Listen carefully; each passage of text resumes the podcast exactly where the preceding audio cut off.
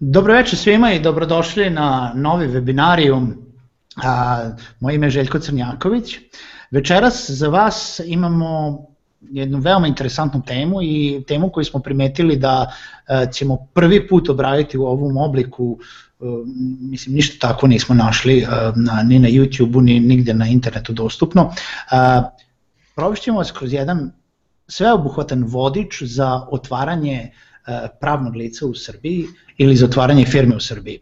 Moj večerašnji gost je Milan Trebojević, knjigovođa knjigovojstvo Knjiški moljac iz Beograda. Milane, čao, dobroveče. Dobroveče Željko, dobroveče svima. Hvala na pozivu. Hvala tebi što si se odazvao.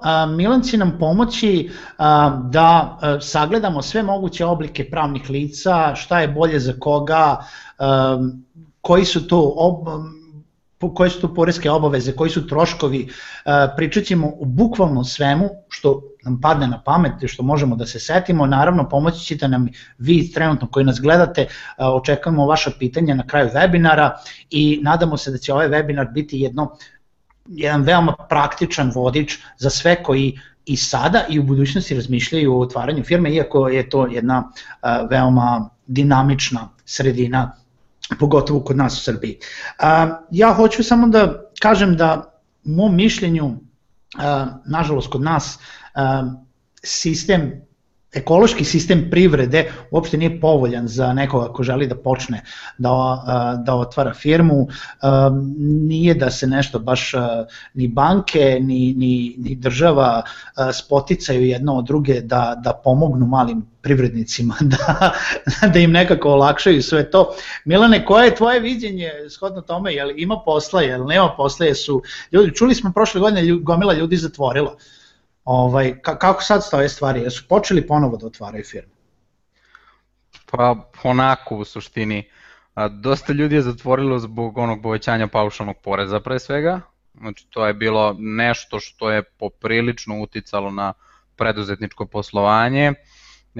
Neka ta, neki, u stvari taj neki taj ekosistem privredni, pa iskreno rečeno i nije baš najbolji, da upotrebim blagu reč u suštini. Da.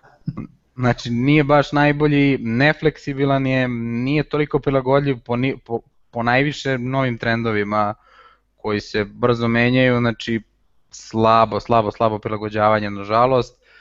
Zatvaraju se firme, doduše otvaraju se i neke nove, u suštini svaka čast svakom ko otvara firmu i ko se upušta u neke samostalne vode, čeka ga jedno lepo i nezaborno putovanje, u stvari nadamo se da će biti lepo. Da, sigurno, sigurno. I ovaj, nažalost, mislim na sreću, svako ko želi da otvori e, firmu, e, već mu treba čestitati na tome, znači da već ima ideju, da ima neki e, nešto što je u njemu da želi da, da, da pokrene neki svoj posao, svoju ideju, svoju okolinu i da promeni svoje stanje na bolje. Da se vratimo mi na početak. Milane, možeš nam reći koji su to pravni oblici kojima ćemo pričati večeras i šta ćemo mi to obuhvatiti sve? Ok, evo samo pre toga nešto da dodam. Znači u svakom slučaju, kakav god bio nepovoljan sistem, neko ko ima pravu ideju neće to sprečiti.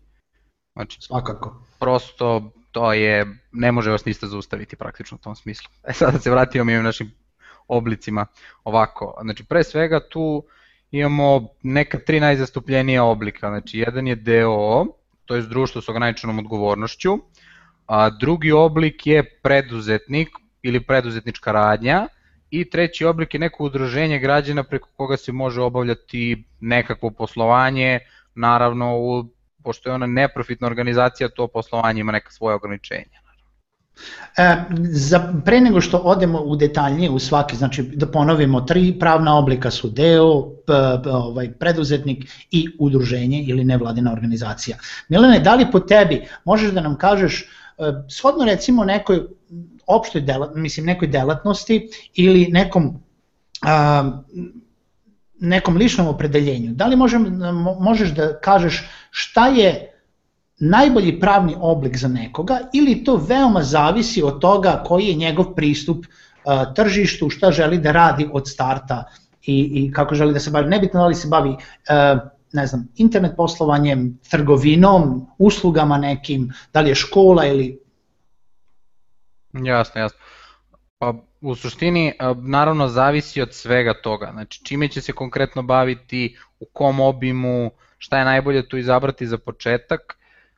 Po meni ja bih uvek ostavio DO sa strane i odlučio se za jedan od dva oblika, to je preduzetnik ili udruženje građana. Znači sad opet naravno shodno tome čime će se baviti konkretno, šta će to biti, da li će imati domaće, da li će imati strano tržište, naravno shodno tome ima neke poreze koji, koji ga prosto prate i u kom obimu će to biti. Prednost ta neka je što kod udruženja građana možete na početku dok je to u nekom manjem obimu poslovati tako shodno neprofitnim ciljevima i prosto nemati neku poresku obavezu, znači možete celu godinu biti sa nulom i nemati nikakvu obavezu osim prede završnog računa u smislu poreza. Kod preduzetnika je jedna druga prednost što preduzetnik može da se zamrzne i da opet nema da nema neke poreske obaveze, znači na neodređeno može da se zamrzne, što može poprilično da vam znači u smislu da imate firmu, možete da se predstavite kao pravno lice, ali ne morate državi plaćati nikakve poreze, niti doprinose, niti bilo kakve druge dažbine ako ne poslujete. Ajde da se vratimo onda pa da idemo redom. Izaberemo jednog preduzetnika i kažemo šta su onda konkretno neki, neke odrednice koje određuju šta, po čemu se on razlikuje od ova ostala dva oblika. Ok, uh, preduzetnik pre svega odgovara ličnom imovinom, znači to je ona u suštini najveća razlika između njega i DOA. Preduzetnik je u nekom povoljnom statusu u smislu u odnosu na DO njegov porez na taj do, na dobit, u suštini kod njega se to ne zove na dobit, ali ali nekog lakšeg shvatanja zvaćemo ga na dobit je 10% i kod podizanja dobiti nemate dodatno plaćanje recimo što imate kod DOA. Pre svega to, a, druga stvar kod preduzetnika imate neka tri oblika oporezivanja. Znači jedno je to paušalno gde, vama, gde vas država svrstava određene kategorije a, prema vašem mestu, delatnosti, nekoj prosečnoj zaradi na, na vašoj opštini i još nekih drugih parametara, a naravno može biti jako variabilno, vas svrstava određenu kategoriju, određuje vam porez koji ste dužni da plaćate, znači bez obzira opet radili ili ne, imate kategorije koje oni zovu knjigaši, odnosno tad ste dužni da vodite knjige, tu imate dva načina, znači jedan je da možete da sami odredite koliko ćete, na koliki ćete doprinose praktično plaćati, gde određujete svoju zaradu i drugi je taj princip gde vaša dobit određuje i vaše doprinose. A to, je neka ono za početak glavna razlika praktično, odnosno neki, neki detalje oko preduzetnika u odnosu na ostale oblike, u smislu društva s ograničenom odgovornošću i udruženja građana sa treće strane. E sad odmah da te prekinemo ovde, a, mi, samo da se vratim recimo kod otvaranja preduzetnika, znači okay. a, rekao si da postoje dve vrste, znači možemo biti knjigaš, možemo biti paušalac. A, kod a, a, paušalaca, u smislu da sad trenutno odmah čim otvorite, država vam određuje koliki porez treba da platite na osnovu delatnosti, na osnovu dela grada, gde se nalazite i tako dalje. Znači da nekada nije bilo tako, ispravim ako grešim, znači mnogi, mnoge firme su prošle godine zatvorile zbog toga, zato što se to promenilo, nekada je prva godina za paušalce bila veoma uh, dobra za poslovanje u smislu ko je hteo da otvori preduzetnika mogu da otvori sa minimalnim troškovima, a, da. pa da posle toga druge godine upadne u neki sistem uh, većeg paušala. Jel, jel tako, jel grešim? Pazite, nekad jeste to bilo da vi praktično možete da dobijete neku najnižu osnovicu, međutim oni vam sada odmah određuju. Problem taj u drugoj godini je što vama porez a, za tu drugu godinu stigne maltene krajem te godine, a onda retroaktivno unazad praktično od početka te godine imate 15 dana da izmirite ako je povećanje. I onda prosto dođe da vi imate recimo 5000 dinara mesečno samo da viška platite u odnosu na, na prošlu godinu, to od januara do septembra pomnožite s brojem meseci i imate 15 dana da to platite. E sada, ove godine se desilo da su ljudi dobili duplo uvećane rešenja, u smislu sa 15.000 skočilo im je na 30, pa 30.000 puta 9, ovaj 15.000 puta 9 meseci u roku od 15 dana, složit ćete se, nije baš jednostavno platiti tako odjednom. Naravno, A, ali s druge strane prednost zašto se ljudi i dalje opredeljavaju da budu paušalci jeste vezana za podizanje sredstava. Mm, da, znači to je najveća prednost praktično je paušala ta što a, svojim novcem raspolažete u potpunosti, znači nemate nikakvo ograničenje u smislu dizanja gotovine, u stvari imate jedno do 150.000 dinara možete podići gotovinu bez nekog donošenja dokumentacije banci, a, iznad toga morate podneti dokumentaciju na osnovu koje praktično? Ili neki račun gotovinski da trebate da platite 200.000 ili prosto sačekate sledeći dan pa podignete još 150 mislim. Jednostavno, a, a znači vaše je samo obavez da platite doprinose i taj paušalni porez državi, sve ostalo je vaše. Ograničenje je to određenih delatnosti. Recimo, trgovina ne može da bude paušalno porezovana, Znači, reklamne agencije istraživanja tržišta isto ne mogu biti paušalno oporezovani. Znači, ako izaberete tu delatnost ili ako se njom stvarno bavite, prosto vidi se na fakturi, prijavite se, ne prijavite neku drugu delatnost, a zaista fakturišete istraživanje tržišta, možete ući u problem u slučaju da vam dođe inspekcija jer ste prekršili pravilo ne smete biti paušalno oporezovani. Dobro, a koja je, kako ide kod knjigaša? Ok, kod knjigaša je neka druga stvar. Znači, kod knjigaša prosto vi sami na početku kad otvorite firmu predviđate šta će da se desi te godine.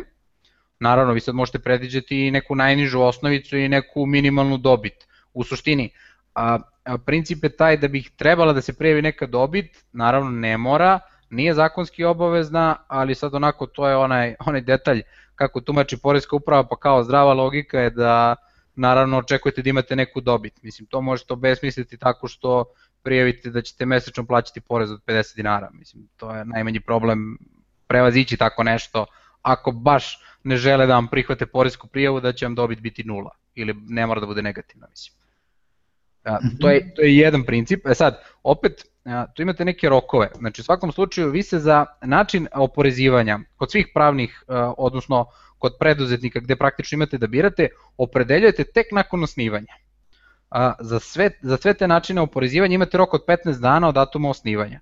Znači, da li hoćete da budete paušalac, naravno, preduslovom je da ne registrujete delatnost koja ne može biti paušalno oporezovana, a, ili hoćete da budete knjigaš i sad tu birate ta dva načina. Znači, da li hoćete da vi određujete zaradu ili da vam dobit određuje da vam dobit određuje praktično koliko ćete plaćati poreza i doprinosa. Sve rok 15 dana, podnosite poreske prijave poreskoj upravi, oni naravno vam posle nekog vremena za, jedino za paušalce donose rešenje, u svim drugim slučajevima vi postupate, to jest, kodične zarade sami trebate da obračunavate, a kod tog određivanja gde vaša dobit to utvrđuje, praktično sami ste već predvideli tom poreskom prijavom koliko trebate da plaćate i trebate sami praktično da pronađete račune na koje to trebate da uplaćujete. Naravno, postoji, postoje inspektori kod kojih možete da odete, naravno, čisto sumnjam da vam neće dati kad ih pitate da vam daju na koje uplatne račune i kako to trebate da uradite.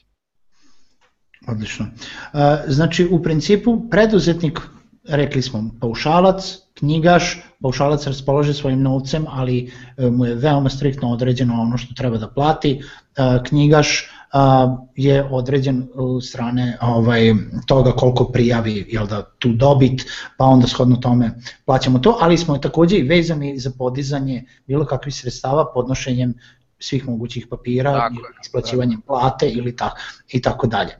E sada, pošto su preduzetnici po, po, postali ili dobili opciju da budu knjigaši, Milane, kaži ti nama šta je onda razlika između preduzetnika i DOO?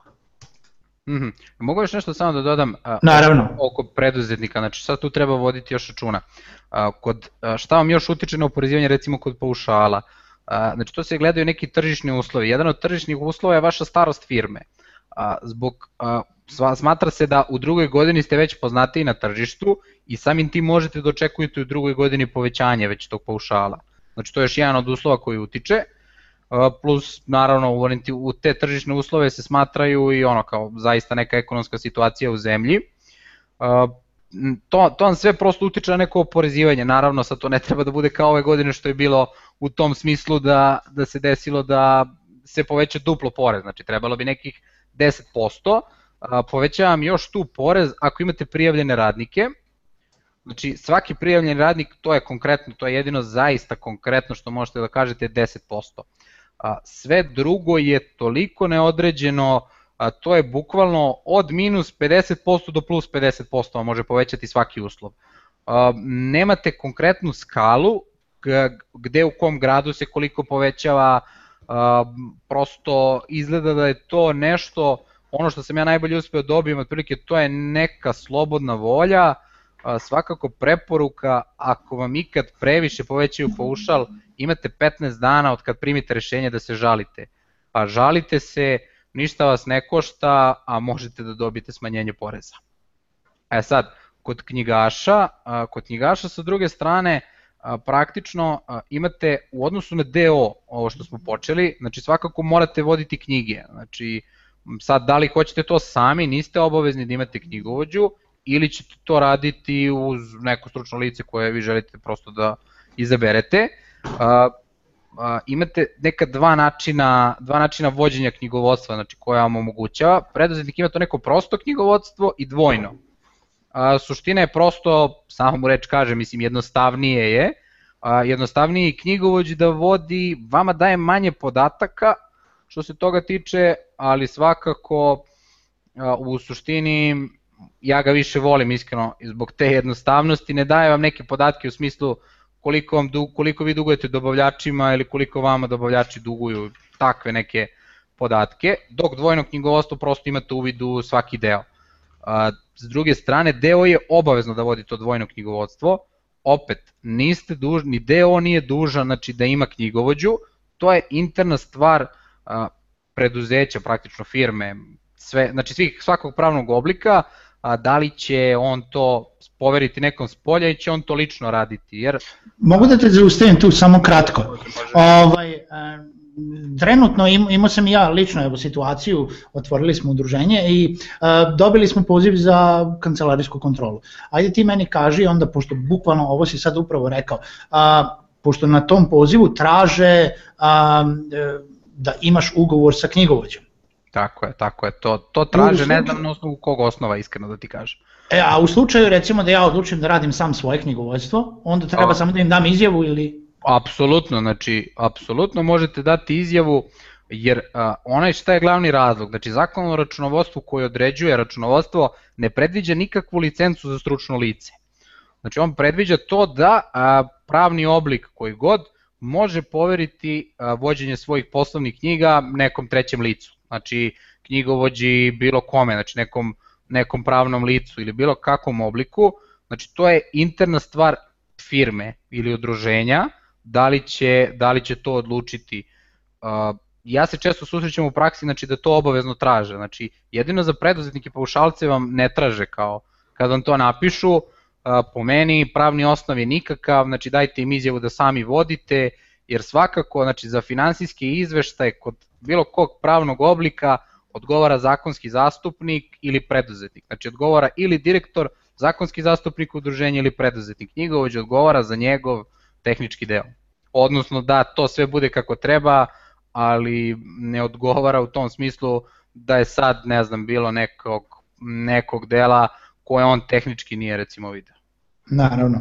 Naravno Dobro. Sad, izvini što te prekidam, ali u praksi opet dođete do nekih različitih mišljenja. Ovo je prosto uh, onaj deo gde u zakonu nije to eksplicitno rečeno i sad praksa govori jedno, nemate neko mišljenje ministarstva da vam kaže e to mora ovako, ali definitivno ono što u zakonu nije rečeno da ne može, uh, zaista mislim da može.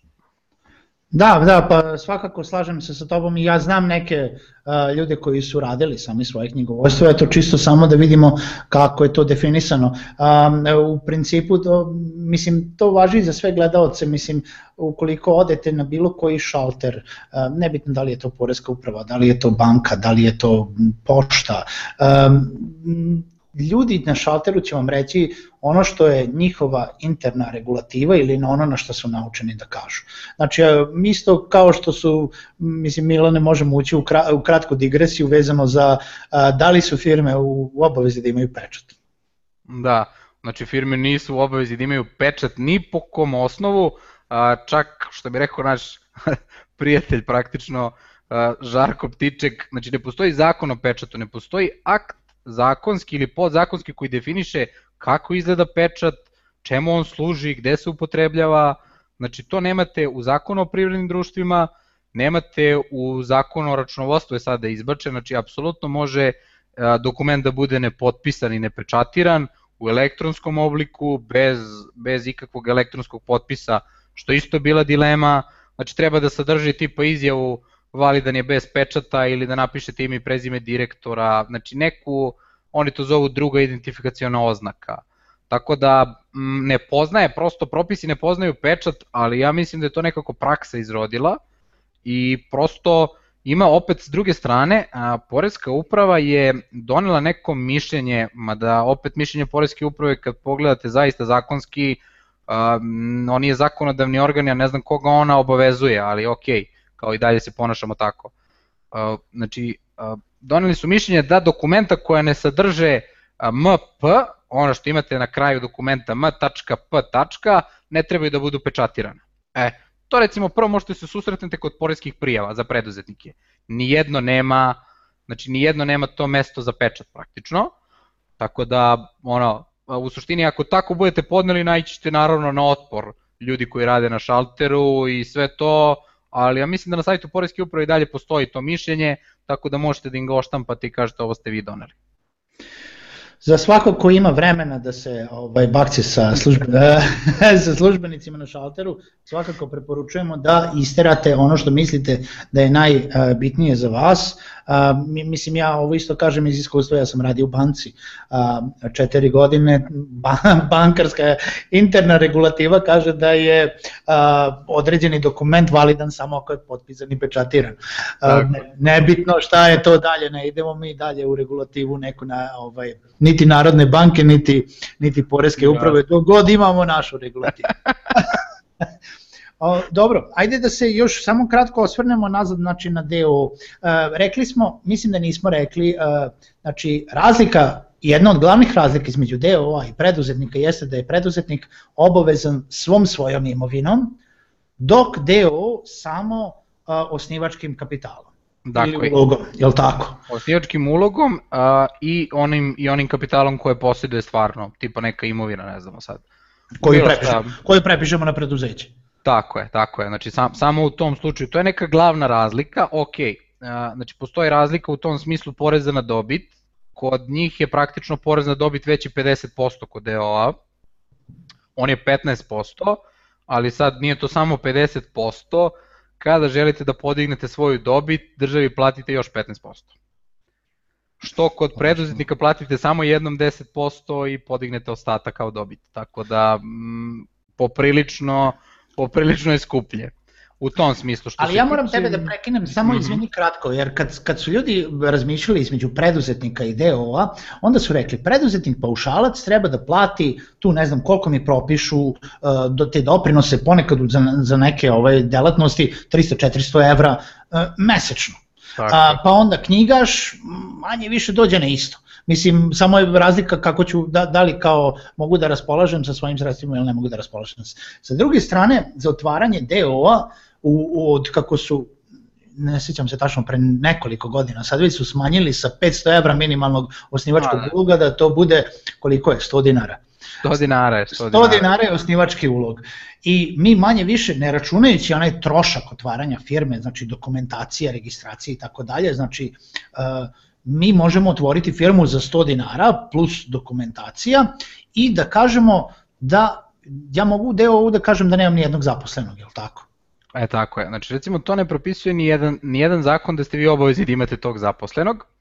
E sad opet, s jedne strane, a, izmenjeni, izmenjen je jedan zakon a, e, gde m, nema opet mišljenja ministarstva, ali prosto onako, čak tu sam ja sumnjičav da su u pravu, ako je osnivač a, taj koji je a, stavljen za direktora, za njega bi trebalo da se plaća taj doprinos na PIO. Sad opet, to je sve jako relativno, to je opet neko moje mišljenje da bi ipak trebao makar doprinos za PIO u tom slučaju da se plaća. Ali Međutim, čak i onda ne moramo da isplatimo platu. Da, da, da, znači apsolutno, znači za vama zakon dozvoljava da uopšte nikad ne isplatite praktično platu, mislim u, u smislu ako ono kao nemate dovoljno sredstava ili vidi se da realno stvarno loše posluje firma, Znači vi uvek možete isplatiti doprinose samo bez, bez, zarade, bez zarade. I možemo kao deo da određujemo sami iznos plate koji želimo da damo tom jednom, makar jednom radniku. Tako. Na osnovu čega plaćamo doprinose. Što znači Tako. da mi možemo da kažemo najbitno koliki je promet firme, da kažemo on ima minimalac, ja imam minimalac, naprijed, ovaj, tako. tako, i ja na osnovu tog minimalca isplaćujem doprinose u visini minimalnih doprinosa, tako je, tako. a sve ostalo je u prometu firme. Jel tako? Tako je, tako je, tako je. Šta još nismo pomenuli? Uh, izvinjavam, opet se vraćam na preduzetnike. Znači, kod preduzetnika mi na početku predviđamo, ali na kraju godine kad predamo taj završni račun, odnosno finansijski izveštaj, ipak moramo da platimo ako ima neka razlika. Znači, u smislu ako smo predvideli dobit samo 10.000, a desilo se da ima 300, naravno, moramo nadomestiti ostatak i doprinosa ako smo se odlučili za varijantu da nam dobit određuje doprinose i poreza na dobit. To je ono što je isto, isti takav slučaj i kod DO-a. Vi opet na početku predviđate koliko će biti u toj godini, ako se desi da bude više, a, praktično morate taj porez na dobit nadomestiti, znači dužni ste da ga platite. A, tu kod DO-a sami određujete sebi platu kao što si rekao, znači prosto možete ići na neku najnižu osnovicu ili podići platu i iznad neke propisane najviše osnovice, gde je dobra stvar, znači kada iznad zakonske osnovice najviše plaćate, odnosno propišete sebi platu, plaćate samo porez na tu zaradu, doprinosi vam više ne idu. Tako da, recimo ako neko napravi veliku dobit, ona šta je česta kalkulacija, da mu se više isplati da isplati kroz dobit ili mu se više isplati kroz platu, što opet može da mu uđe u neki kreditni rating, što poprilično može da bude lepa svota i da se banka zaprepasti praktično. A Znači, kada sumiramo sve zajedno, na neki način, na neki način, e, ne dugoročno gledano, jefti, ako gledamo mesečne troškove vođenja firme ili pravnog oblika, mm -hmm. DO dozvoljava tu neku uh, lakšu finansijs, da se lakše finansijski podnese taj početak. Jel tako, jel ja računam loše, jer kod paušalca, kod preduzetnika paušalca država ti odmah određuje. Kod knjigaša opet moraš odmah da odrediš na osnovu čega će, će ti biti određen, sem ako ne odrediš kao, kao nulu. Ako deo možeš da izabereš taj neki minimalac kao takav. Ne kažemo da je deo najbolji, ima on veoma svoje, ovaj, svoje druge mane, ali samo znači što se tiče mesečnih troškova prilikom počinjanja firme, Da, da kažemo, nije sve jedno da li neko računa da li ima odjednom 350 evra mesečno samo da daje na firmu ili će to uraditi za 200 evra. Apsolutno, apsolutno. Znači što se toga tiče, samo kad bi se rastumačila ova odredba da deo ne mora da ima zaposlene, to je definitivno neki najbolji oblik za početak. Znači da prosto nemate troškove, eventualno tu neku dobit koju prijavite, ali ona prosto ne može biti nula. Znači ubedit ćete šalterskog radnika da ona prosto može biti nula, mislim, jer oni vas praktično time teraju da vi uđete da predviđate dobit u prvoj godini, a zaista bude neki gubitak i da onda oni vama duguju novac. I sad ili hoćete da tražite taj novac nazad od države, što može da iziskuje kontrolu, što bez obzira koliko god sve bilo u redu u firmi, nikom nije prijatno prosto da, da mu neko gleda po papirima, ali prosto to je neki kao njihov način, sad to je opet praksa koja nije zakonski utemeljena i to prosto upornošću možete da prevaziđete.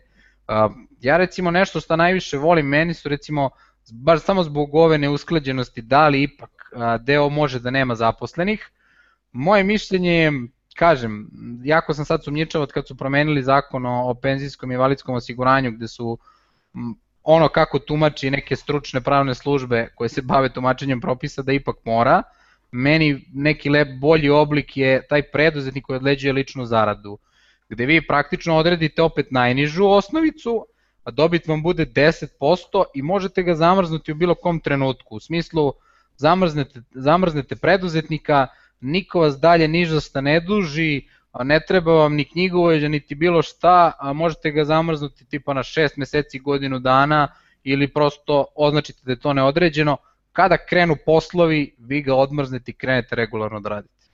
A kaži mi, ovaj, e, kad smo već kod preduzetnika, evo, e, u tom smislu pričali smo ti ja kratko, se rekao sam da ćete pitati, a, ljudi se, e, ljudi ne znaju pa onda a, se bacaju, kao najbolje otvoriti preduzetnika, to jest ja sam otvorio preduzetnika, nisam ja otvorio preduzetnika, ja sam otvorio agenciju ili sam otvorio samostalnu zanatsku radnju ili tako nešto. Da li ima, mislim, šta su agencije, šta su SZR, STR u tom smislu i da li ima nekih esencijalnih razlika između svih njih. Ne. To SZR, STR, SUR, SUTR i tako te skraćenice, otprilike to su skraćenice koje stoje u nazivu preduzetnika i nemojte ih vezivati za preduzetnika. Znači agencija može da bude i DO, znači vi možete nazvati agencija, znači to je vaše pravo kako ćete nazvati. Znači nemojte, prosto to ne treba nazivati tako, znači ili je preduzetnik ili je DO, sad ljudi prosto, ono, neki glavni naziv za sve firma je. Sad neko pod firma, mislim opet to nije neki zakonski naziv, pod firma podrazumeva kao samo DO. Ja, zakonski oni to zovu privredna društva, ovi su preduzetnici, a udruženja građana su udruženja građana ili druga pravna lica. Mislim, prosto, ok, to su neki otprilike stvari koje su iz prakse, onako neko ko se izrodile i mislim, uobičajeni su kako se koriste, ali nemojte mešati to zvati agencija, Znači agencija može da bude i deo, agencija može i da bude preduzetnik. To što se više koristi u nazivu preduzetnika ne znači da to ono samo to može biti. Ali u principu vraćamo se na to da su oblici ili deo ili preduzetnik, pa ma kako ih zvali, da li je to SZR ja. i to je preduzetnik uh, i tako dalje. Uh, mi u svemu ovome nismo nigde pomenuli PDV. Uh, kaži mi, da li bilo koji od ovih uh, uh, oblika, pravnih oblika, uh, u startu mora da bude u PDV sistemu ili šta, o čemu se tu radi? Ok, dobro, i to je jedna recimo od, od uobičajenih stvari gde ljudi, ljudi recimo vezuju deo za PDV, ne znam iz kog razloga. Znači PDV je opet nezavisan od pravnog oblika i deo i preduzetnik, čak i udruženje građana može biti u PDV-u. Znači, merilo za PDV je promet od 8 miliona dinara u 12 meseci nekih, znači mogu biti 6 meseci iz jedne, 6 meseci iz druge godine, to je nešto validno, kada imate 8 miliona i preko toga, dužni ste da se sami evidentirate u PDV, znači to se može desiti nikad, a može da se desi i tipa ne znam za 3 meseca ili za mesec dana, kako ko prosto radi. Ispod toga, ako imate ispod 8 miliona, država vam dozvoljava da se sami vi prijavite da hoćete da budete, bez obzira što imate ispod toga. Ali jedino šta je bitno je tu, ako imate preko, onda ste obavezni, bez obzira koji oblik pravnog lica bio. A je sada tu opet postoje neke, neke stvari... Izvini, izvini, zašto bi se neko dobrovoljno prijavio da dođe da bude u PDV-u? Pa moja preporuka je nikako, iskreno. moram, da pitam, moram da pitam i ja sam e, onako ali postoji recimo jedna stvar, kod firmi koje dosta rade s inostranstvom, u smislu radite neke usluge koje su vezane za inostranstvo, a, isplati vam se da budete u PDV-u, a, usluge koje su prema inostranstvu ili neki izvoz proizvoda, robe, nije bitno čega, je oslobođen PDV-a. Dok sve što kupujete u zemlji, a, vi imate, ono sadrži PDV i prosto vi vi plaćate državi PDV i na kraju meseca ili tromesečja kad se PDV obračunava, vama država je praktično dužna taj PDV. E sad, njega možete jako lepo koristiti u smislu da možete ga vratiti od države, verovatno očekujte kontrolu firme tako da čuvajte se da sve bude kako treba i kako se zove ili u drugom slučaju možete taj porez prebaciti u smislu trebate platiti porez na dobit, vi praktično preknjižite taj porez na porez na dobit i ne morate da plaćate porez. Moja tu jedna dobra stvar, ako neko ko radi preko interneta hoće ovde da razvije recimo neki istraživački centar, neko istureno odeljenje ili neko ko prosto radi na daljinu u smislu nekih call centara koji mogu raditi odavde, nekih, ne znam, tako nekih uslužnih centara, a, i hoće da pravi ovde kancelariju i da oprema prostor. Znači, on za sve to a, ima odbitak PDV-a, a recimo to fakturiše nekoj stranoj firmi ili negde, prosto on tu uslugu pruža inostranstvu, isplatimo se da bude u PDV-u jer prosto sve što bude nabavljao, renovirao, bilo šta od toga, a to sadrži PDV, imaće povraćaj PDV-a i može koristiti taj novac za bilo šta, za plaćanje drugih dažbina prema državi ili prosto za sebe da ga, da ga zadrži. Odlično, odlično. Znači PDV dobrovoljno svi oni koji se bave uh, poslovanjem sa inostranstvom. Tako je. Tako je, tako je. Tu samo još jednu stvar, izvini da dodam. Znači, kad se, kada se dobrovoljno prijavite, dužni ste da budete dve godine u tom sistemu PDV-a, znači ne možete se obrisati osim ako se ne gasi pravni oblik, preduzetnik ili, ili DOO, dok kada, vas, kada pređete 8 miliona, znači možete nakon godinu dana da se obrišete. E sada, opet, svako to brisanje iziskuje ako su vam ostale neke zalihe robe ili tu opremu koju imate, sve što ste nabavljali, znači to od vas onda trebate sav taj porez koji ste odbili, a ostalo je praktično u vašoj firmi ta oprema ili roba, da platite državi. Tako da to je neka stvar o kojoj treba voditi računa, ima to i svoje loše strane, jako je lepo da vam država vrati novac. Kaži mi samo, e, e, stalno, znači, tu smo na cifri od 8 miliona, a, da li je cifra ista i za DO i za preduzetnike ili se razlikuje? Ne, cifra je apsolutno ista, znači za bilo kakav pravni oblik cifra je ista i ona je prosto jedinstvena, znači tu uopšte nije značajno koji ste pravni oblik. Mm, dobro. E, ja sam e, generalno sada zapostavio onaj treći oblik jer sam teo da ga sad obradimo na kraju. Kaži mi udruženja. Udruženja su kod nas onako kao tipa kogod želi nešto da, da, da kao bavi se pa da ima neki račun na koji neko može da uplaćuje, prvo, što mu pada na pamet je udruženje zato što udruženje ne mora a, ništa da plaća odmah u startu, a, generalno mo, može tu, mislim, jel da, pravni, pravni oblik smo ali nismo na neki način. Šta su udruženja, šta mogu udruženja i gde je tu limit, kada treba da razmišljamo od prelasku iz udruženja u neki drugi pravni oblik. Ok. Pazite, udruženja po zakonu su neprofitne organizacije, znači tako ih zakon definiše.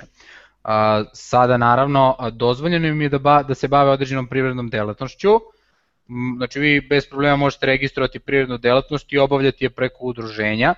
Ono vaše koje ograničenje je to da a taj novac koji stičete privrednom delatnošću morate koristiti u svrhu ostvarivanja tih neprofitnih ciljeva koji ste definisali na početku osnivanja udruženja. U smislu, m, udruženje je formirano, ne znam, za razvoj a, sela, promociju, ne znam, seoskog turizma i tako nešto, ali stiče s druge strane, a, recimo, ima neku, pa sad reka neki malu kafanicu recimo, čak i to može koliko god to izgledalo sad zvučalo čudno, znači to može raditi udruženje, ali mora koristiti sve sav taj novac koji praktično tamo stekne u svrhu, u svrhu ostvarivanja svojih ciljeva. Kaži mi samo Naravno, odmah, odmah da te prekinem tu.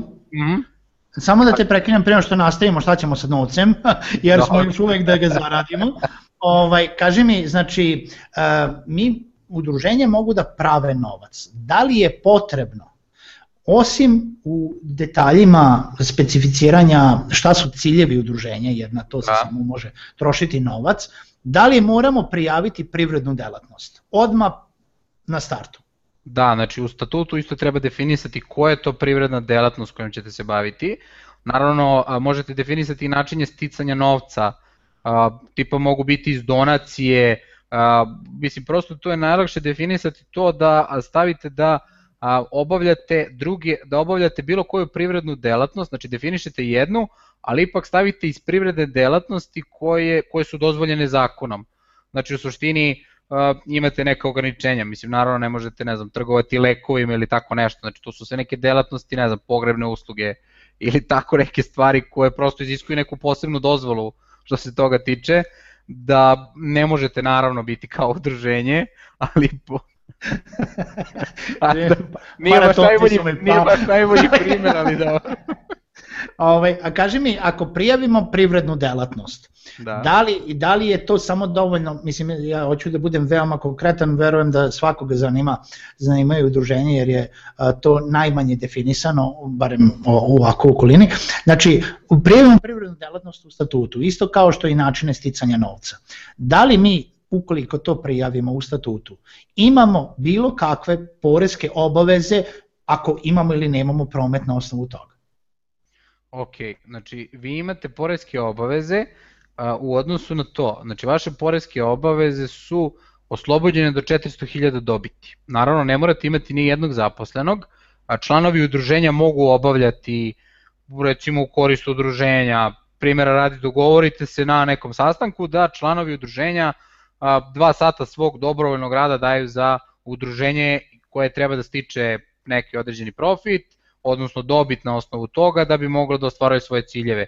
I to bez problema funkcioniše, znači inspekcija nema zakonskog osnova da vam kaže da imate neprijavljene radnike. Znači oni zaista nisu radnici, oni su članovi udruženja, tu ste dužni da vodite praktično knjigu članova udruženja, a ako se oni nalaze tu, mislim možete im izdati neku propusnicu da prosto ono bude da formalno, da, drug član.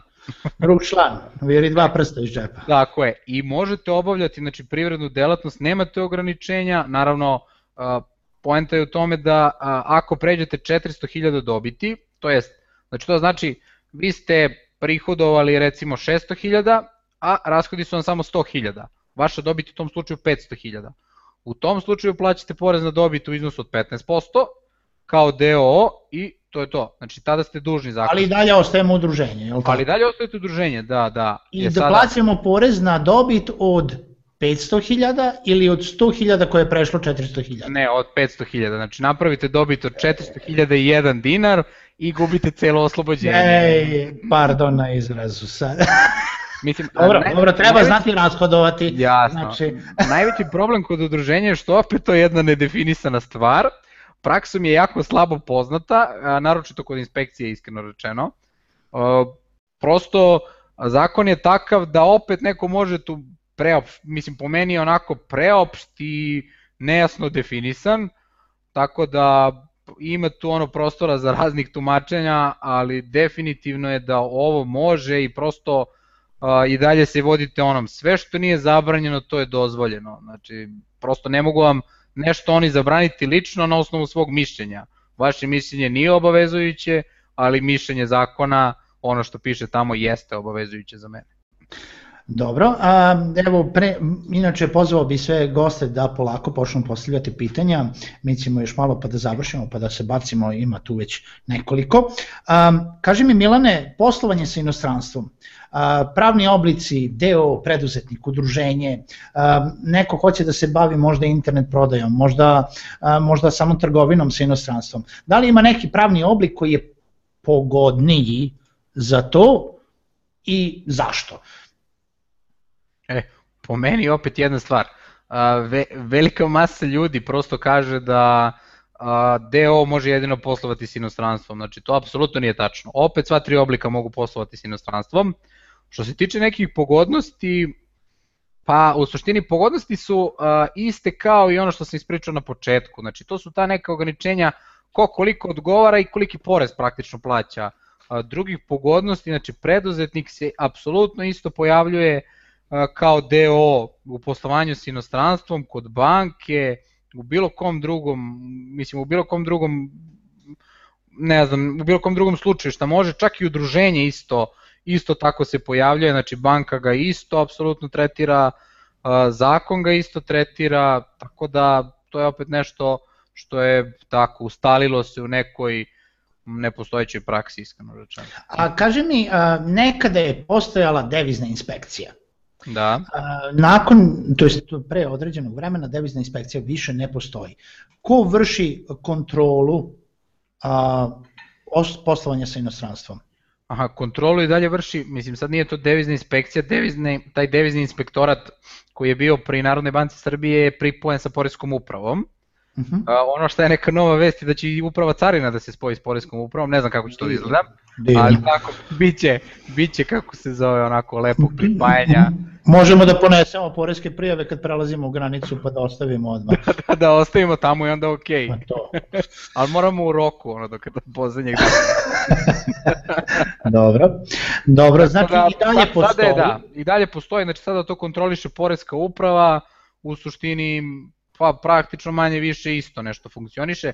Naravno opet postoji jedan deo, a, one što je najzanimljiviji, to je ono otvaranje računa u inostranstvu. Znači to možete sa dozvolom Narodne banke Srbije. Znači to je i dalje ostalo kod njih. E, u smislu, e, ali to govoriš kao e, fizička lica? I kao fizičko i kao pravno. Znači, a tu se smatra ono što oni zovu rezidentom. Znači rezident je i fizičko i pravno lice koje je praktično iz Srbije. Odnosno ima sad tu nekih, nekih detalja, ajde sad baš da ne pričamo fizičko lice je jako inostrano, a boravi više, u stvari u suštini svaki zakon malo ima drugačije, znači zakon koji je dosta, odnosno koji je poreski određen za preduzetnike, na jedan način tumači šta su rezidenti, zakon koji je određen za porez na dobit kod pravnih lica na drugi način, a kako se zove Narodna banka Srbije na spoje otprilike.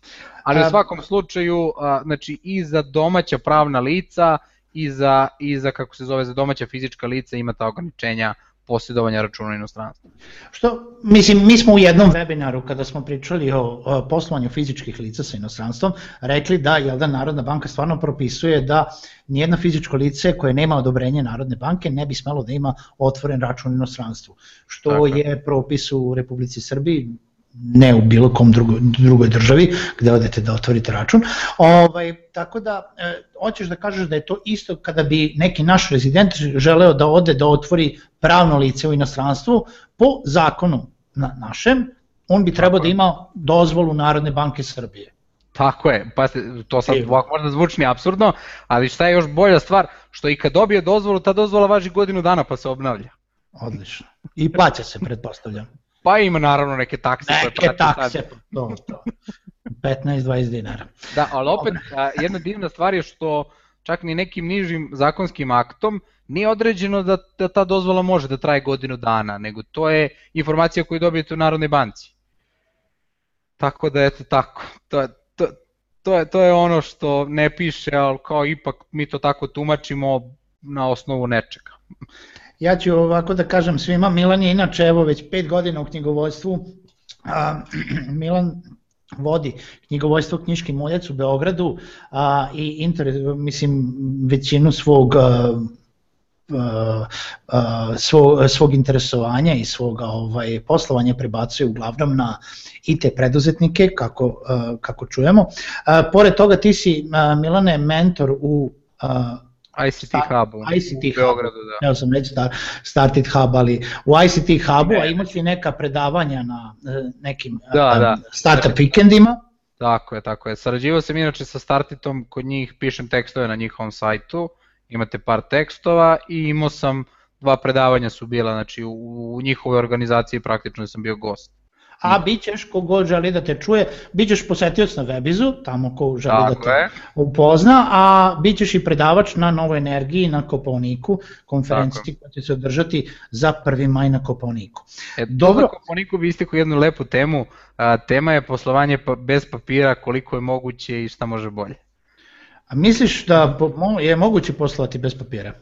Pa onako, zakon otprilike daje nekih 50% mogućnosti, pošto uh, ako se bavite uslugama, dobar deo možete, ali ako se bavite recimo trgovinom, ima, znači skoro je bilo jedna knjiga koja se vodi u trgovini, ona koja se vodi, to je Kepu knjiga, znači to je knjiga evidencije dobara i usluga, izašlo je mišljenje ministarstva da ta knjiga može da bude u elektronskom obliku, ali otprilike sad onako, baš ću parafrazirati, da zbog neke sigurnosti, ne znam kako su beše definisali, ažurnost ipak je bolje da ona bude odštampana i u papirnom obliku. Odlično. A, ovaj, a možeš li mi reći kako stoji sada a, kako stoji sada a, elektronsko ili bespapirološko a, vođenje pravnog lica u odnosu na poreski sistem u državi? Da li je moguće komunicirati putem bilo kakvih elektronskih uređaja, e-maila, nekih određenih interfejsa, da li su napravili nešto vezano za e-upravu, e-porez, gde se tu ide, da li znaš nešto da nam kažeš, da li je moguće da jednog dana nećemo morati da nosimo svaki papir u Poresku upravu, nego ćemo mi to sve podnositi lepo preko interneta. Da li ćemo moći, da li ćemo moći da imamo knjigovođe koji nisu pored nas u istom gradu, da im, ne znam, da im nosimo pečat i potpis? u, ili da oni idu za nas u neku tu poresku ovaj jedinicu koja je u istom gradu gde je prav, pravno lice. A to, to bi bilo super, mislim, a, za sada, nažalost, dobrim delom najveće dostignuće elektronskog, elektronske komunikacije sa Poreskom upravom je faks. Nažalost, znači uh, ne, ne, ne mogu da kažem stvarno, znači počeli su skoro da koriste mailove, ja inače imam OSIP na faks, to mi je, mislim, niti ga posjedujem. Genetski. Da, da, da. Ne znam, možda mi je urođeno u stvari, nisam Dobre. još, nisam još iz tradicijskog ugla, ali dosta, stvarno, zaista, poboljšava se situacija u tom pogledu, ne toliko brzo koliko bi svi želeli, ali naravno, znači recimo, postoje mogućnosti, vi recimo za sada plate svojih zaposlenih možete da predajete elektronski, ne morate podnositi više obrazce, te PDV prijave one mogu ići elektronski, za sada te dve stvari sasvim lepo funkcionišu, pravo da vam kažem, po me, iz moje prakse smanjena je greška, jer valjda kompjuter tamo radi pa lako se proverite ko je šta uradio.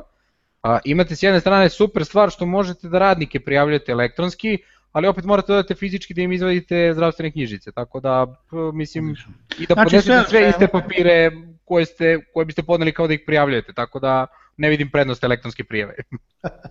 znači sve u svemu i dalje smo, čak i, čak i da smo na 20% opet, ili da, smo, da, da dođemo do 90% zbog onih 10% za koji nam trebaju papiri, ipak uh, je potrebno da budemo mo, pa, blizu neke poreske uprave. a, u stvari, tu, tu je najveći problem, dobar deo može elektronski, mislim možete poslati poštom u najgorem slučaju preporučenim pismom, a, pečatirane naravno papire, da ne bi slučajno neko vraćao pa se vi dopisivali dalje poštom, ali a, problem je u tome što recimo telefonom jako, ma, mislim mailom da ne pričam da možete komunicirate baš sa poreskim inspektorom, ali čak i telefonom nekim ne možete dobiti prave informacije, znači ako se desi neki problem bez ličnog prisustva i to verovatno uz više odlazaka i veliku upornost e, ne možete rešiti.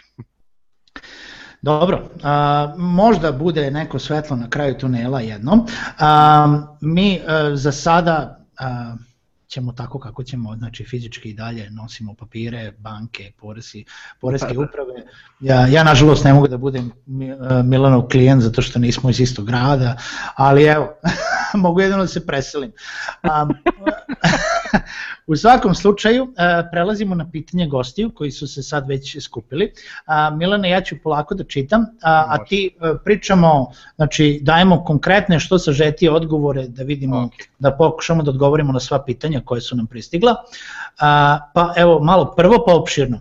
Kaže, koji je oblik firme najbolji ako želite da se bavite promocijom i prodajem turističkih aranžmana preko interneta i da od toga uzimate proviziju?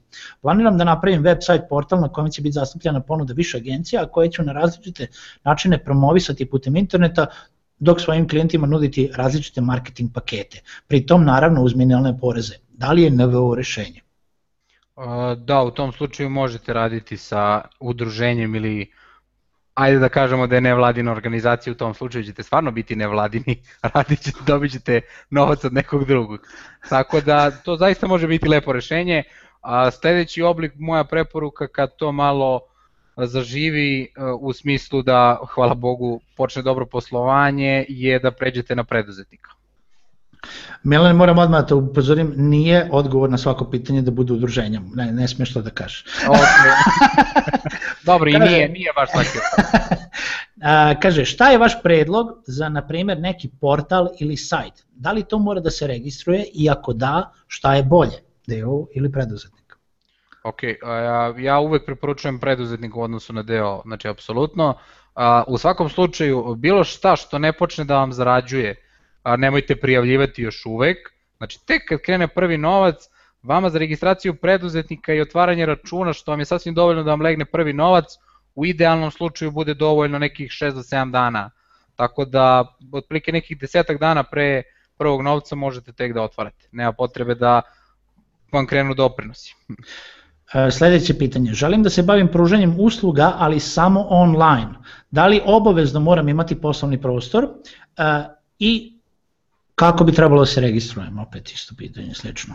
Ok, a, mislim, opet, birati između, pre, po meni, deo, deo ću redko preporučiti osim nekima koji gledaju na duže staze, jer preduzetnika možete preregistrovati u deo kad mislite da je to, odnosno ako se promeni neka poredska politika, možete obavljati u sobstvenom prostoru, znači ne morate uopšte imati neki poslovni prostor, znači to nigde nije propisano da vi morate imati pos, poslovni prostor za takvu delatnost. Možete prijaviti da, mislim ako vam Poreska uprava traži da, ste, da radite iz vašeg stana, je li tako? Apsolutno, znači možete neki, ne znam, neki coworking prostor kao što recimo imate kod Željka ili imate, imate dosta onih virtualnih kancelarija koji iznajemljuju adresu, znači apsolutno nemate neko ograničenje gde možete obavljati. Kaže, za online prodaju, prodaju uh, pardon, to sam, uh, ne, da, da li je za online prodaju potrebno prijaviti delatnost, to jest sajt? Da li može biti kažnjivo ako se ne prijavi sajt? Da li se pregledaju Facebook stranice od strane inspekcije i kako oni mogu kontrolisati moj promet? Uh, pazite, vi ne prijavljate sajt kao sajt. Uh, sada tu uh, šta je bitno? Da registrujete delatnost koja je oslobođena uh, jedina po zakonu, mislim iz, iz te branše po zakonu o prometu preko fiskalnih kasa, to je delatnost, sad ne znam napomet šifru, ali se zove prodaja putem telefona ili interneta. Sve druge stvari koje radite, jako su online, vrlo je moguće da će vam tražiti da imate fiskalnu kasu, sad tu dolazite u ono da inspektor odlučuje pa se vi posle tužite sa njim i tako dalje. U svakom slučaju sajt ne prijavljujete, bilo je pre nekog vremena da su gledali prodaje putem Facebooka, znači najviše su iskreno jureni ljudi koji prodaju parfeme jer zaista vi ne smete da obavljate delatnost ako ste neregistrovani. Dobro, pravim nakit već godinama i prodajem ga putem bloga, a imam i stranicu na Facebooku koju koristim u svrhu promocije. Da li moram da prijavim online prodaju? A, treba da prijavite neki pravni oblik, znači što bi rekao, aj Željko nema da mi zabraniš ovaj put, možete proći kao udruženje. Dobro, da li udruženje moraju da vode prosto knjigovodstvo ili su oslobođena vođenja knjiga? Da, to nismo rekli, udruženja su obavezna dvojno knjigovodstvo da vode kao deo, znači ne mogu voditi prosto, prosto knjigovodstvo jedino vode preduzetnici. Dobro. A, nadovezivanje na pitanje koje sam postavio, turistička aranžmane bi prodavao u inostranstvu dovođenje stranaca u Srbiju. To je verovatno ono prvo pitanje znači za A, da. turizam. Znači ukoliko ih prodaju samo strancima, i dalje stoje isti odgovor. I da, Ako želi da se o, legalizuje kao, kao pravni oblik. Da, da, apsolutno, apsolutno. Da li i na koje načine udruženje može da uzima gotov novac iz banke osim na osnovu gotovinskih računa? Pa vi svakako možete kasnije pravdati te račune, ali morate ih opravdati. Znači gotovinski računi su praktično jedina stvar jer vi ako uzimate gotovinu morate nešto platiti u toj gotovini. Znači to je... Naravno pričamo o, u ovom slučaju sad odgovor je da, tako Milane ja bi možda dodao da znači novac iz udruženja se može, možete vi davati platu nekome u udruženju. Apsolutno, možete naravno. vi platiti ne, nekoga za neke usluge koje je odradio uh, za udruženje spoljnog saradnika, je li tako? Jasno, e sad jednu, jednu stvar, uvek kad isplaćujete fizičkom licu, znajte da vas očekuju doprinosi i porezi. Znači, to je, to je ona stvar. Osim ako ne platite nekom, nekoj firmi opet. Tako je, tako Kao je. Uh, ovo je verovatno uh, vezano za otvaranje uh, firme u inostranstvu, kaže šta ako neko ima dvojno državljanstvo? Pa pazite, u suštini šta je tu jedna stvar? Zakon vas ograničava da vi ne, praktično treba pitati Narodnu banku Srbije da otvorite račun u inostranstvu, što je normalno kad otvarate firmu, ali da li mislite da kad dojete u neku zemlju oni će vam tražiti dozvolu vaše Narodne banke? Mm, hmm. Definitivno ne, mislim, hmm. tako da prosto od, radite. Da. A, ima ovdje jedno pitanje što nećemo sad odgovoriti konkretno jer nismo zato tu, kaže kako da kao freelanceri izbegnemo da platimo porez, to je globu od blizu 50% za svaki posao, ali ću te nadovezati na jedno pitanje koje sam video posle, a, pa, ga, pa, pa ću ga sad pomeriti na ovo. Kaže, koji je možda najbolji pravni oblik ukoliko, ukoliko želimo da se legalizujemo kao freelanceri? Pa po meni uh, preduzetnik, da, da, da, da, da. Mislim šta je dobro, prosto ako sami tako prosto ugovarate poslove, dođe period kad ih nemate. Imate onu mogućnost zamrzavanja i prosto ne morate tada državi ništa plaćati, a možete juriti poslove, samo ih ne možete praktično platiti. Ja ću, ja, evo, samo kratko da se zadržimo na ovome, kada smo već kod legalizacije freelancera i apsolutno se slažem da sa tobom da je jedini način na koji bi ikako mogli da se legalizujete, mislim kod nas ne postoji nešto, neki pravni oblik freelancera, znači je, je preduzetnik kao takav. Ono što ljudi treba da znaju, ali ujedno je i moje pitanje ka tebi, jeste da kada se kada napravimo preduzetnika, mi možemo da poslujemo s inostranstvom. I sad šta ako preduzetnik želi da posluje putem Odeska ili, ili e-lensa ili tako nekih platformi sa kojima ne možemo direktno da sklopimo jel da, ugovor za svaki pojedinačni posao sa kojim oni nama neće slati tačno određeni iznos po ugovoru na devizni račun u banci na pravnog lica kako banke često nalažu uh, i, uh, i traže i da li možeš nešto vezano za to da nam kažeš? A sada tu, tu je ono što se najviše postavlja, a, prosto vama Odesk uzme recimo neku proviziju ili, ili bi, bilo koja neka platforma vam uzme proviziju. Vama će banka tražiti dokaz o prilivu. On može biti ugovor ili vaša faktura. Znači uzmete fakturu, navodno fakturišete Odesku, mislim njima ne morate ispostaviti njih baš briga, ali vi banci priložite tu fakturu i dokažete im tačan iznos koliko vam je on uplatio, vi tako dokažete odakle vam taj priliv i rešili ste problem uplate od Odeska ili Lens. Eto. Sledeće pitanje, ako sami vodimo knjige, da li je neophodno da posjedujemo neki knjigovodstveni program? A nije neophodno, mislim, zakon vam ne zabranjuje da uzmete papir i olovku, obrazce i da popunjavate, ali naravno mislim da vam je lakše da imate neki knjigovodstveni program, ali dobrim delom možete rešiti sad opet, uh, treba će vam verovatno poprilično vremena da imate neke neke stvari napravljene u Excelu ili nekim još dokumentima recimo u Officeu koje možete da, da, da napravite. Sad opet trebate napravite sami ili da kupite od nekog. Dobro. Um, kaže, za web, web shop i delatnost trgovina na malo posredstvom pošte ili preko interneta sa šifrom da. 47.91. A, super. Ko, koji, model, koji model pravnog lica izabrati? Domaće tržište, kupci su i fizička i pravna lica u odnosu 50-50%. Uh, nastavak tog pitanja, ja ću odmah pročitati tebi pa ćeš vidjeti da li Možda. možeš sve odjednom, koje je ograničenje na te delatnosti na malo pod navodnicima i šta to tačno znači i da li kancelarijski nameštaj spada u osnovna sredstva, odnosno da li je takozvana odbitna stavka firmama, ali ajde jedan po jedan.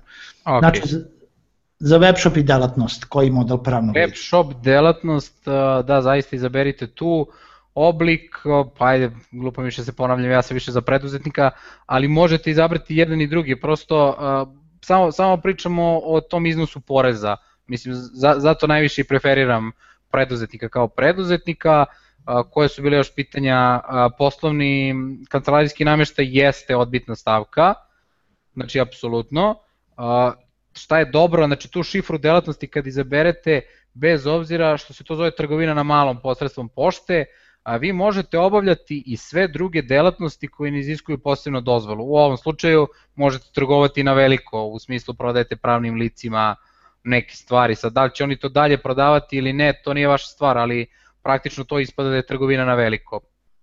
Ne morate, niko, ne morate posjedovati fiskalnu kasu da, da, da biste je prodavali fizičkim licima, svakako ste dužni da im izdate nekakav račun. Znači, ako u web shopu u onom programu imate da vam program generiše sam neki račun, to će biti sasvim dovoljno.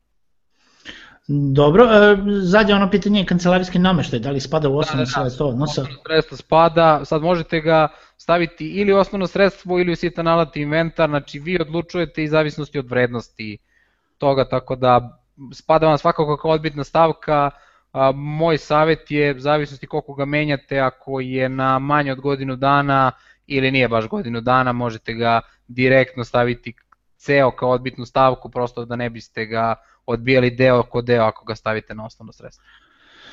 Dobro, idemo dalje. Kaže, da li knjigovođa mora biti u istom gradu kao i preduzetnik da bi mogao da mu obavlja sve te stvari vezano za knjigovodstvo i računovodstvo, to smo već odgovorili da za sada da. Mislim, u suštini ne mora, ali najveći problem je taj a, ako se desi problem u poreskoj upravi, knjigovođa može samo da vam da savet, a vi morate sami da ga rešite na terenu.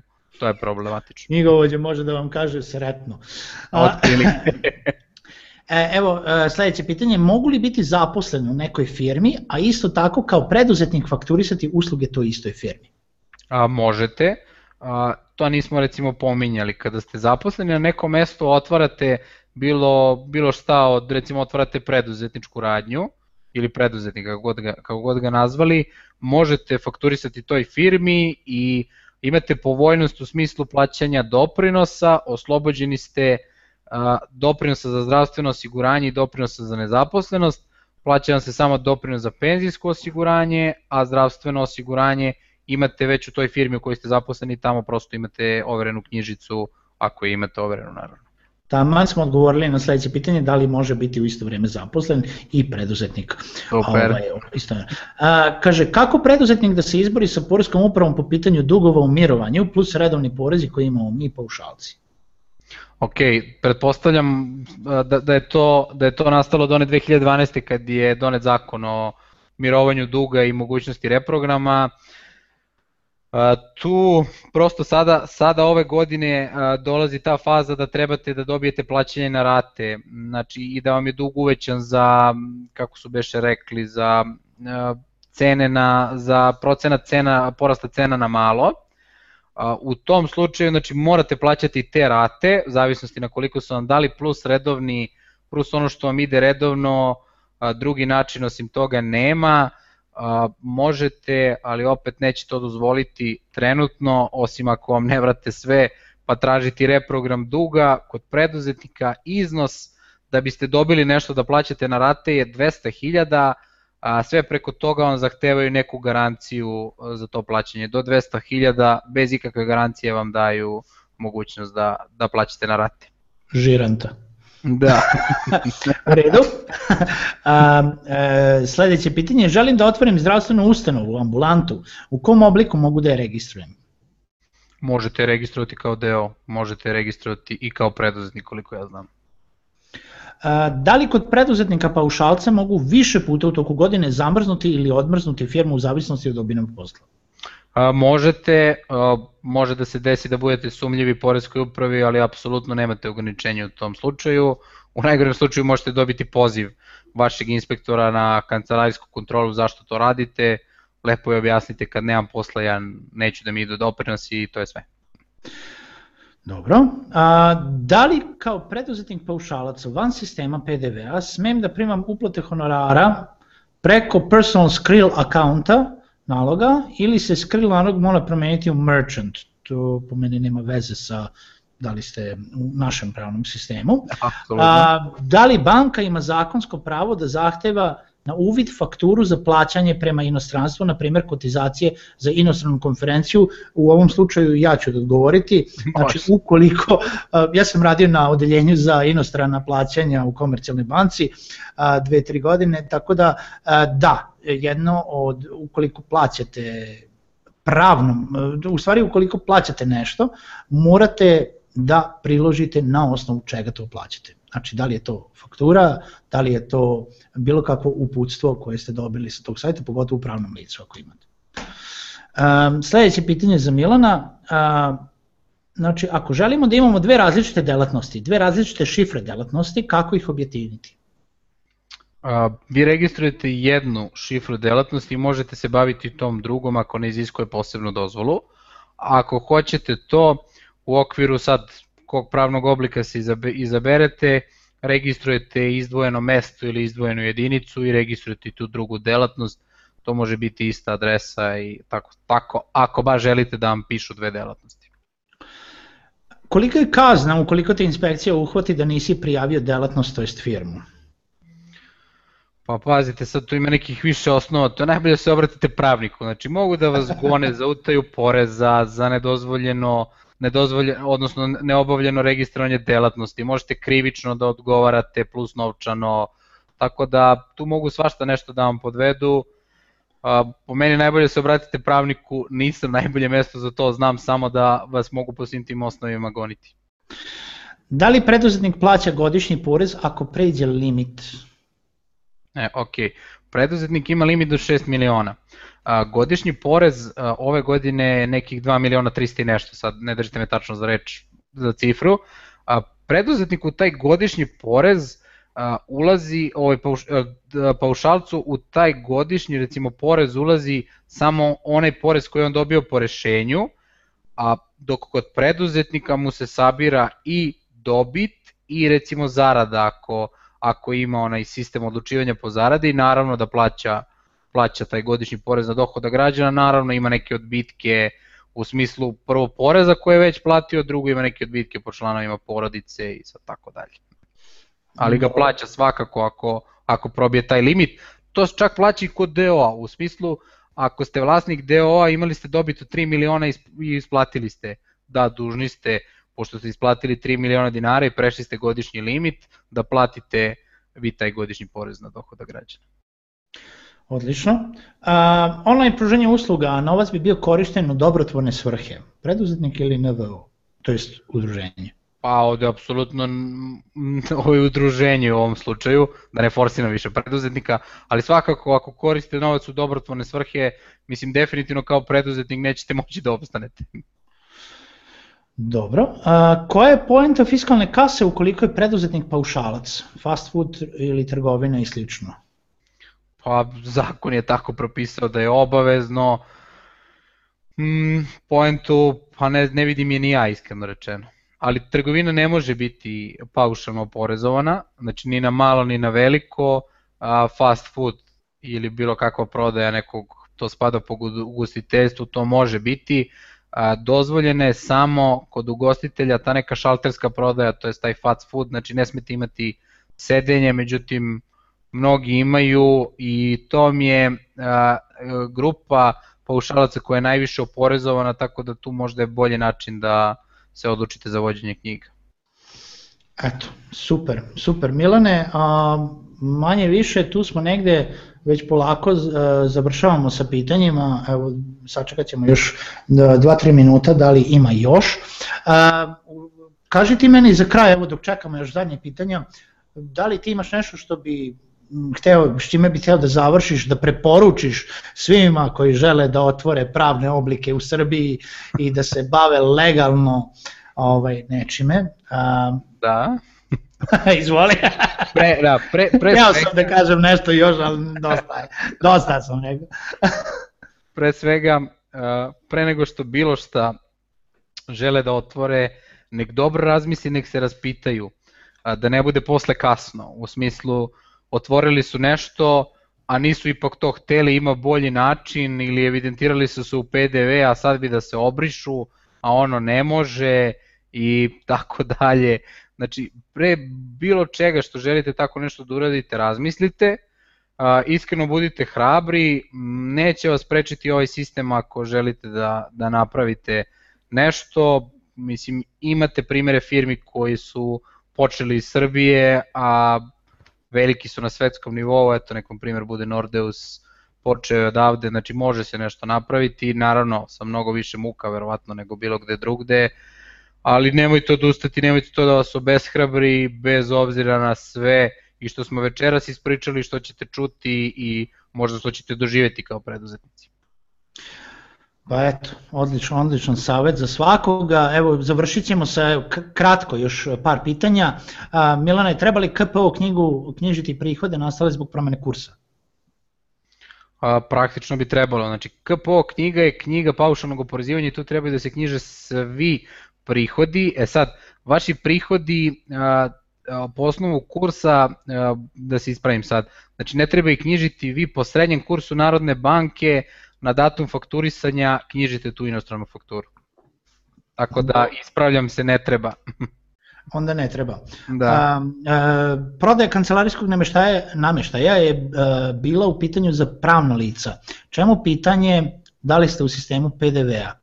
Znači, kakvo pravno lice treba da bude da zadovolji takve kupce? Prodaja kancelarijskog, uh, može ponovo pitanje, da, da, da, sam, ja sam, ne da, prodaja kancelarijskog nameštaja je bila u pitanju za pravna lica. Čemu Dobro. pitanje da li ste u sistemu PDV-a? Znači, kako pravno lice treba da bude da zadovolji takve kupce? Uh, ja bih voleo pojašnjenje isto pitanja. Da, ako ovaj... možete pojašnjenje, evo probat ću da odgovorim ono što sam ja razumeo. Znači, pretpostavljam da su vama kupci tražili da budete u sistemu PDV-a, A, sad to je vaš interni dogovor sa kupcima ako hoćete da bih oni koji su u PDV-u mogli da koriste to kod sebe kao odbitnu stavku PDV-a. sad ne znam dalje, ajte ako možete pojašnjenje pa da, da bolje Ajmo dalje pa ćemo da vidimo ako se, ako se još javi to pitanje. Koji program za računovodstvo predlažete u, a da bude srazmerno cena sa kvalitetom? Pa program, pravo da vam kažem, nažalost ne možete koristiti Freshbook, ali a iskreno da vam kažem, nemam neku toplu preporuku ako niste knjigovostena agencija za neki program. Onaj koji ja koristim, ispostavlja se da je poprilično skup ako niste knjigovostvena agencija. Sad imate raznih, mislim, imate AGV, oja objektivno ja njega koristim, imate Pantheon, ima Bilans, znači nađite neki poprilično jeftin, da prosto m, vama ako vodite samo sebi, a nema tu nekog previše posla, neće trebati neko toliko složeno rešenje, prosto znaćete u prste šta se dešava u vašoj firmi i ono će vam samo biti da prosto ne računate ručno, iskreno rečeno. Ja ću, odlično, ja ću dalje, sad imam jedno pitanje za mene, kaže, vezano je za otvaranje deviznog računa, da li moram da donesem sve lične karte ili pasoše na uvidima naš četvoro, ne samo fotokopije, nadam se da ne moraju lično da dolaze, praktično samo nas dvoje smo u kartonu deponovnih potpisa za dinarski, smo prošle godine donosili sve četiri lične karte. Mogu da kažem da je devizni račun odvojeno dinarskog računa. Znači, otvaranje i vođenje deviznog računa u većini banaka je posebna procedura. E, znači, vi možete imati kao pravno lice morate imati dinarski račun, pa onda devizni račun, ali vi ne morate imati dinarski račun na istoj banci kao i devizni račun. A čak i da je u istoj banci devizno odeljenje totalno drugčije. Njihova interna procedura i dobra volja je da li će uzeti podatke iz platnog prometa, to je iz, iz dinarskog računa i time vama smanjiti dokumentaciju koju morate da donesete prilikom otvaranja tog računa i naravno procedura koju traže. S tim moram da vam kažem da morate da se obratite banci u kojoj želite da otvorite račun, pa shodno tome da donesete sve papire koje traže na on, one ljudi koji treba da dođu da se, to jest jedan zakonski zastupnik mora da dođe sve to da obavi, a naravno da moraju lično da se potpišu svi uh, potpisnici na depo kartonu. Uh, toliko, mislim, je uopšteno je malo odgovor, ali je zavisi od banke do banke i naravno, znači, je kao i za fizička lica devizni račun, dinarski račun, dva odvojena sveta. Ja, mogu, ja, mogu ja jednu preporuku za banke, recimo, mene kod banaka najviše nervira to kada vam daju 10 papira sa svim istim podacima da sami upisujete. Uh, po meni birajte banke koje ukucaju e, tih pet podataka što vam treba od vas na jedno mesto i još vam sve te papire, a ne vi deset puta popunjate jedne te iste podatke. Jeste, ima, istina je, ima, ima banaka, ima banaka sa druge strane koji će vam izaći u susret pa će vam sve to poslati mailom, pa ćete vi to moći da popunite kući, tako da, mislim, mo, zavisno od gužve, zavisi ko vam zapadne u banci, sve se može to, da. lakše ili teže obaviti u tom smislu. Jasno. A, da li na osnovu ugovora sa fizičkim licem može da se pravda gotov novac iz banke? Pretpostavljam da je isto ono pitanje za udruženje. Da, isto pitanje vi možete pravdati gotov novac, ali to on se smatra kao da ste tom fizičkom licu isplatili neku zaradu ili honorar, naknadu što vam podleže porezima i doprinosima. I obračun. Kako je najbolje registrovati poslove koji se tiče mrežnog marketinga MLM-a? Pa ono, ono što je meni u praksi se desilo da su to uglavnom preduzetnici i to neki preduzetnici paušalci, uh, sad zavisnosti čime se bavi taj neki mrežni marketing. Jer to uglavnom biva da taj mrežni marketing otprilike je mogućnost da se tu direktno ljudi umrežavaju što ne prolazi kroz papirološki deo, ali tipa ili se prodaju neki proizvodi ili se nude neke usluge u tom mrežnom marketingu i preduzetnici i to paušalci su se u tom slučaju ispostavili najbolji. Naravno, obratite pažnju, za paušal je najbolje da odete na opštinu na kojoj biste otvorili firmu, na svoje slovo prezimena da nađete inspektora gdje da mu kažete koju delatnost ćete obaviti i prosto da ga uverite i budete uporni da vam kaže tačan iznos koliko će to koštati mesečno. Od strane države, naravno. Da, naravno. A, zadnje pitanje evo je kako je najbolje registrovati design studio koji radi produkciju videa, grafike ili animacije na osnovu angažovanja saradnika za outsourcing druge agencije. Ok, ok. Po meni, tu vam je najbolji oblik isto definitivno preduzetnik, a zavisnosti od prihoda sa tu birate između paušala i, i vođenja knjiga, to jest ovog, pre, ovog vođenja knjiga sa ličnom zaradom, a, vidite koliko, opet morate a, sad, ne mogu vam tačno reći konkretno recimo kolika visina je to prihoda, morate videti na, ko, na kom ćete to mestu raditi, koliko bi vam bio paušal i izračunati praktično koliko vas košta taj paušal, a koliko bi vas koštalo da vodite knjige. Odlično. Milane, uh, želim da ti se zahvalim još jednom za večerašnji webinar. Ja verujem da su svi naši gledalci dobili veoma, veoma puno korisnih informacija. Uh, sve ovo će biti na YouTube-u, nadam se još večeras, ako ne onda sutra ujutru vidjet ćete na našem YouTube kanalu. Želim da se zahvalim svim gledalcima što su bili sa nama za ovo ovu veliku količinu pitanja koje smo imali, nadam se da vam je bilo od koristi. Milane, tebi još jednom puno hvala. Hvala tebi. Vidimo se na Webizu, ti i ja, Tako, svako ko želi ko je u blizini Webiza, znači Zrenjanin 27. do 29. mart može da dođe da se vidimo i sa webinarijom timom i sa Milanom, a ko ima volje da ide na Kopaonik za 1. maj i na konferenciju Nova energija, Milan će tamo držati predavanje, tako da ga možete naći i tamo. Dragi gledaoci, mi u ponedljak imamo već novu najavu za novi webinarijum koji će biti 11. marta.